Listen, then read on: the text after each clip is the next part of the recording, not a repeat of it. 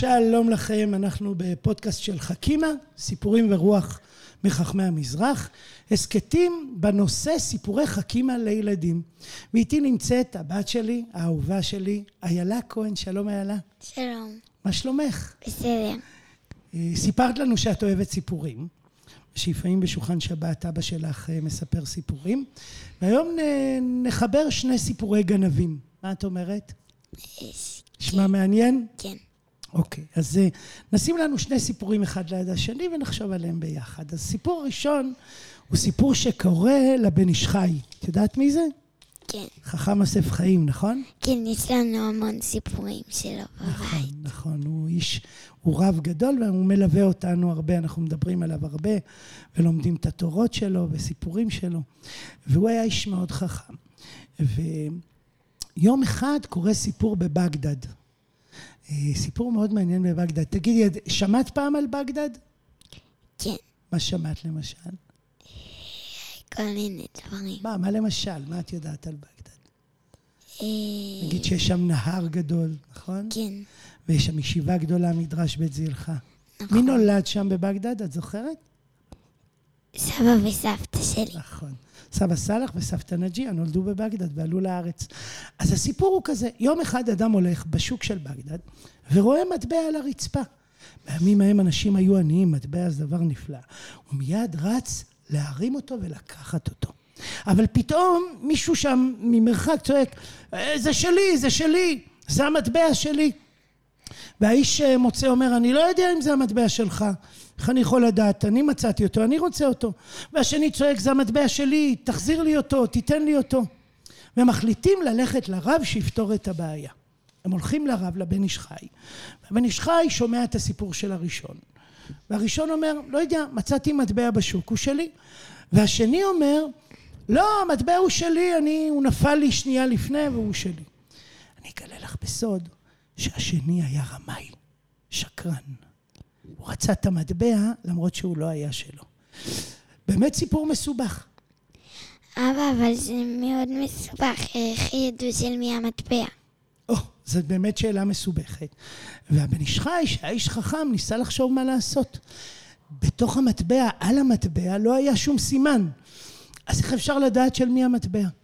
ואז עלה לו רעיון בראש. הוא ביקש משניהם לצאת החוצה, לשבת במבואה. ואז הוא הסתובב בתוך החדר ודיבר בקול. והוא אמר לעצמו, אוי, איך אני אפתור את הבעיה? איך אפשר לדעת מי, מי, אה, של מי המטבע? אוי! וככה הוא אומר בקול, יש במטבע סימן, יש פה חור. אז מי שזה שלו בטח יודע שיש בו חור, אז אני אשאל, מי יודע אם יש סימן במטבע? ואז מי שזה שלו יגיד, אבא, אבל הוא בכוונה אמר בקול? בטח, הוא אמר את זה בקול כדי שמי שרמה ישמע. שניהם נכנסו, אז הוא אמר, תגידו, אה, אולי יש סימן? הראשון, זה שמצא את המטבע היה ישר. הוא לא היה רמאי. אז הוא אמר, לא, אני לא יודע שיש שום סימן במטבע. אבל הרמאי רצה, רצה את המטבע. אז הוא אמר, כן, כן, נזכרתי עכשיו שיש במטבע חור בדיוק שם בפינה. אה, מאיפה בא לו הרעיון הזה, איילה? בגלל שהוא שמע אותו אומר, אז הוא רצה לזכות נכון. במטבע. רצה לזכות בה שלא כדין, לא לפי מה שבאמת. ואז הבן איש חי חייך, הוציא את המטבע מהכיס, ואמר, תראו, למטבע הזה אין שום חור. ולכן, כנראה המטבע שלך נמצא במקום אחר. את המטבע הזה, אני נותן דווקא לאיש הזה. מה את אומרת על החוכמה של הבן איש חי? זה טוב, כי אה, הוא באמת יודע, כי עכשיו הרמאי, הוא רוצה את המטבע, אז הוא אומר משהו שלא נכון, ואז זה דווקא נותן עובדה לאחרים. נכון, נכון. אני חושב שהבן איש חי הבין שהרמאי כל כך רוצה את המטבע, שהוא לא רק רימה פעם אחת, הוא ירמה עוד פעם. הוא רימה, מתי הוא רימה בפעם הראשונה? אה, שהוא אמר שזה שלו. נכון. ועכשיו הוא מרמה בפעם השנייה, שהוא שומע שיש סימן, אבל זה לא סימן אמיתי, אז הוא יפסיד את הכל. זה סיפור אחד. הסיפור השני, הוא בכלל נמצא בטריפולי, בלוב, במקום אחר, אחר לחלוטין, והאיש המיוחד שעליו נדבר, קוראים לו הרב אליהו חזן. חזן היה איש אה, גם רב גדול ושדר, שדר, זה אדם שמסתובב בכל מיני מקומות ואוסף כסף לעניים וישיבות. והוא ישב בעלוב, הוא היה שם רב תקופה ארוכה. ויום אחד מגיע אליו סיפור מאוד מעניין. הסיפור הוא כזה, שלושה יהודים, סוחרים, הגיעו לטריפולי. עכשיו פעם לא היה בנק איילה, אז אם היה לך כסף, או שנתת למישהו לשמור עליו, או שהחבאת אותו באיזשהו מקום עד מוצאי שבת, כי בשבת לא מתעסקים עם כסף.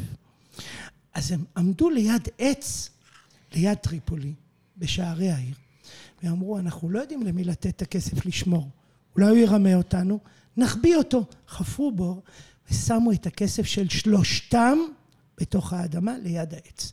והם אמרו לעצמם, הם עשו תנאי, שאף אחד לא הולך לקחת את הכסף בשבת, ושבמוצאי שבת הם ייפגשו שלושתם ליד העץ, יחפרו ויקחו את הכסף וימשיכו. במוצאי שבת הם הגיעו, ולא, אל תשאלי מה קרה. מה קרה? הבור היה חפור והכסף נעלם.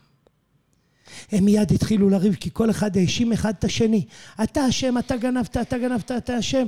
לא ראיתי אותך בצהריים, איפה היית? ואתה הלכת כאילו לישון, אולי הלכת לחפור. הם התחילו בלאגן והם התחילו לריב מכות. והשומרים שראו אותם מיד לקחו אותם אל הקאדי. מה זה קאדי? קאדי זה השופט של המוסלמים. טריפולי היא ארץ, היא עיר בארץ ערבייה, בארץ לוב. ושם יש קאדי, אז הם הביאו אותו לקאדי, והקאדי מקשיב.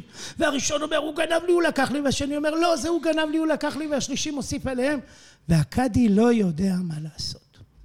אז הוא אומר לעצמו, רגע, שלושתם יהודים, שילכו לרב, שהרב יפתור להם את הבעיה. אז הם הולכים לרב חזן. הרב חזן, נכנסים שלושתם, מספרים את הסיפור. והראשון אומר זה לא אני גנבתי, והשני אומר זה לא אני גנבתי, וגם השלישי אומר זה לא אני גנבתי. הוא אומר להם, תשמעו, אני באמת לא יודע. תחזרו לקאדי. הם יוצאים, הולכים איזה 30-40 מטר, ומיד הוא צועק להם, בואו, בואו, תחזרו. למה? אה, חכי. אז הם חוזרים, ואז הוא שומע את הראשון, והראשון אומר, זה לא אני גנבתי. ומה השני אומר, איילה? זה לא אני גנבתי. והשלישי? לא אני גנבתי. והרב אומר, האמת היא שאי אפשר לדעת. תלכו לקאדי. אז... למה שוב ללכת לקאדי? זה באמת, אה, כי זה, אני לא יודע איך לפתור את הבעיה, אומר רב חזן. ואז הם הולכים. הם הולכים 20, 30, 40 מטר, ואת לא תאמיני מה קורה. הרב קורא להם שוב, בואו, בואו לבית הדין. למה הוא קורא להם שוב פעם בחזרה? פעם שלישית כבר, והם נכנסים, ואז הוא מקשיב לראשון. מה הראשון אומר? זה לא אני גנבתי. והשני אומר? זה לא אני גנבתי. והשלישי מה אומר? זה לא אני גנבתי. ואז הרב אומר, תראו, אני הקשבתי לכם שלוש פעמים. אני באמת לא יודע. אני, הוא לקח דף, הוא כתב כל מיני דברים, קיפל את הדף, שם במעטפה, חתם אותה ואמר, קחו את המעטפה הזו, תיתנו לקאדי ותגידו לו שאני באמת לא יודע. והם הלכו. וכשהם הגיעו לקאדי, הקאדי פתח את המעטפה, הסתכל, והיה כתוב שם שהראשון הוא הגנב. הוא מיד צעק על הראשון, גנב, גנב! הרב אומר שאתה זה שגנבת. והאיש אומר, כן, כן, סליחה, אני רימיתי, אני שיקרתי, אני אחזיר את הכסף. הוא החזיר את הכסף וגם שילם קנס. אבל איך הרב ידע? או, שאלה מעולה. גם הקאדי לא ידע איך הרב ידע, אז הוא הלך אליו. הקאדי הלך לרב ואמר לו, תגיד, אתה חכם, זה ברור. אתה גאון, אתה פתרת את התעלומה, אתה משהו. אבל איך פתרת את הבעיה? הרי זה רק גרסאות, אין שום ראיות. כל אחד אומר שהוא לא גנב, אז איך ידעת? ואז הרב חזן אמר לו, תראה, כשהם נכנסו אליי, אז ראיתי שהראשון נכנס לאט, גורר רגליים. והשניים האחרים נכנסים רגיל. אמרתי לעצמי, אולי הראשון קצת צולע, אולי יש לו בעיה ברגל. כשאמרתי להם שאני לא יודע מי הגנב, ושילכו לקאדי אליך, אז הראשון פתאום נהיה לו צעדים מהירים. הוא יצא. אמרתי לעצמי, רגע, אז אין לו בעיה ברגליים. קראתי שוב. ואז שוב הוא נכנס עם רגל מאוד, הוא גרר רגליים. וכשאמרתי ללכת לקאדי, הוא הלך מהר. וככה הבנתי שבעצם אין לו שום בעיה, פשוט כשהוא נכנס אליי הוא מפחד שיגלו אותו. אז הוא נכנס בגרירת רגליים. וכשהוא הולך, כי לא מצאו מי הגנב, הוא ממהר כי הוא שמח. וככה ידעתי מי הגנב. מה את אומרת על הרב אה, חזן? שהוא חכם. הוא חכם, הוא שם לב למשהו שקורה לנו בחיים הרבה פעמים, איילה. שכשיש משהו שאנחנו מפחדים ממנו, או לא אוהבים אותו, אז אנחנו מאירים אותים גם לי זה קורה המון פעמים שאני קשה לי בחשבון, אז אני, כשיש לנו מבדק בחשבון, אני נכנסת לכיתה וכל החברות שלי הולכות רגיל, כי קל להם בחשבון, זה בא להם זורם. כשאני אני הולכת כאילו לאט, לא יודעת מה יקרה, וזה מלחיץ אותי מאוד. מקסים. ואיזה שיעור את הכי אוהבת? שפה. וכשאת נכנסת לשיעור שפה, באיזה...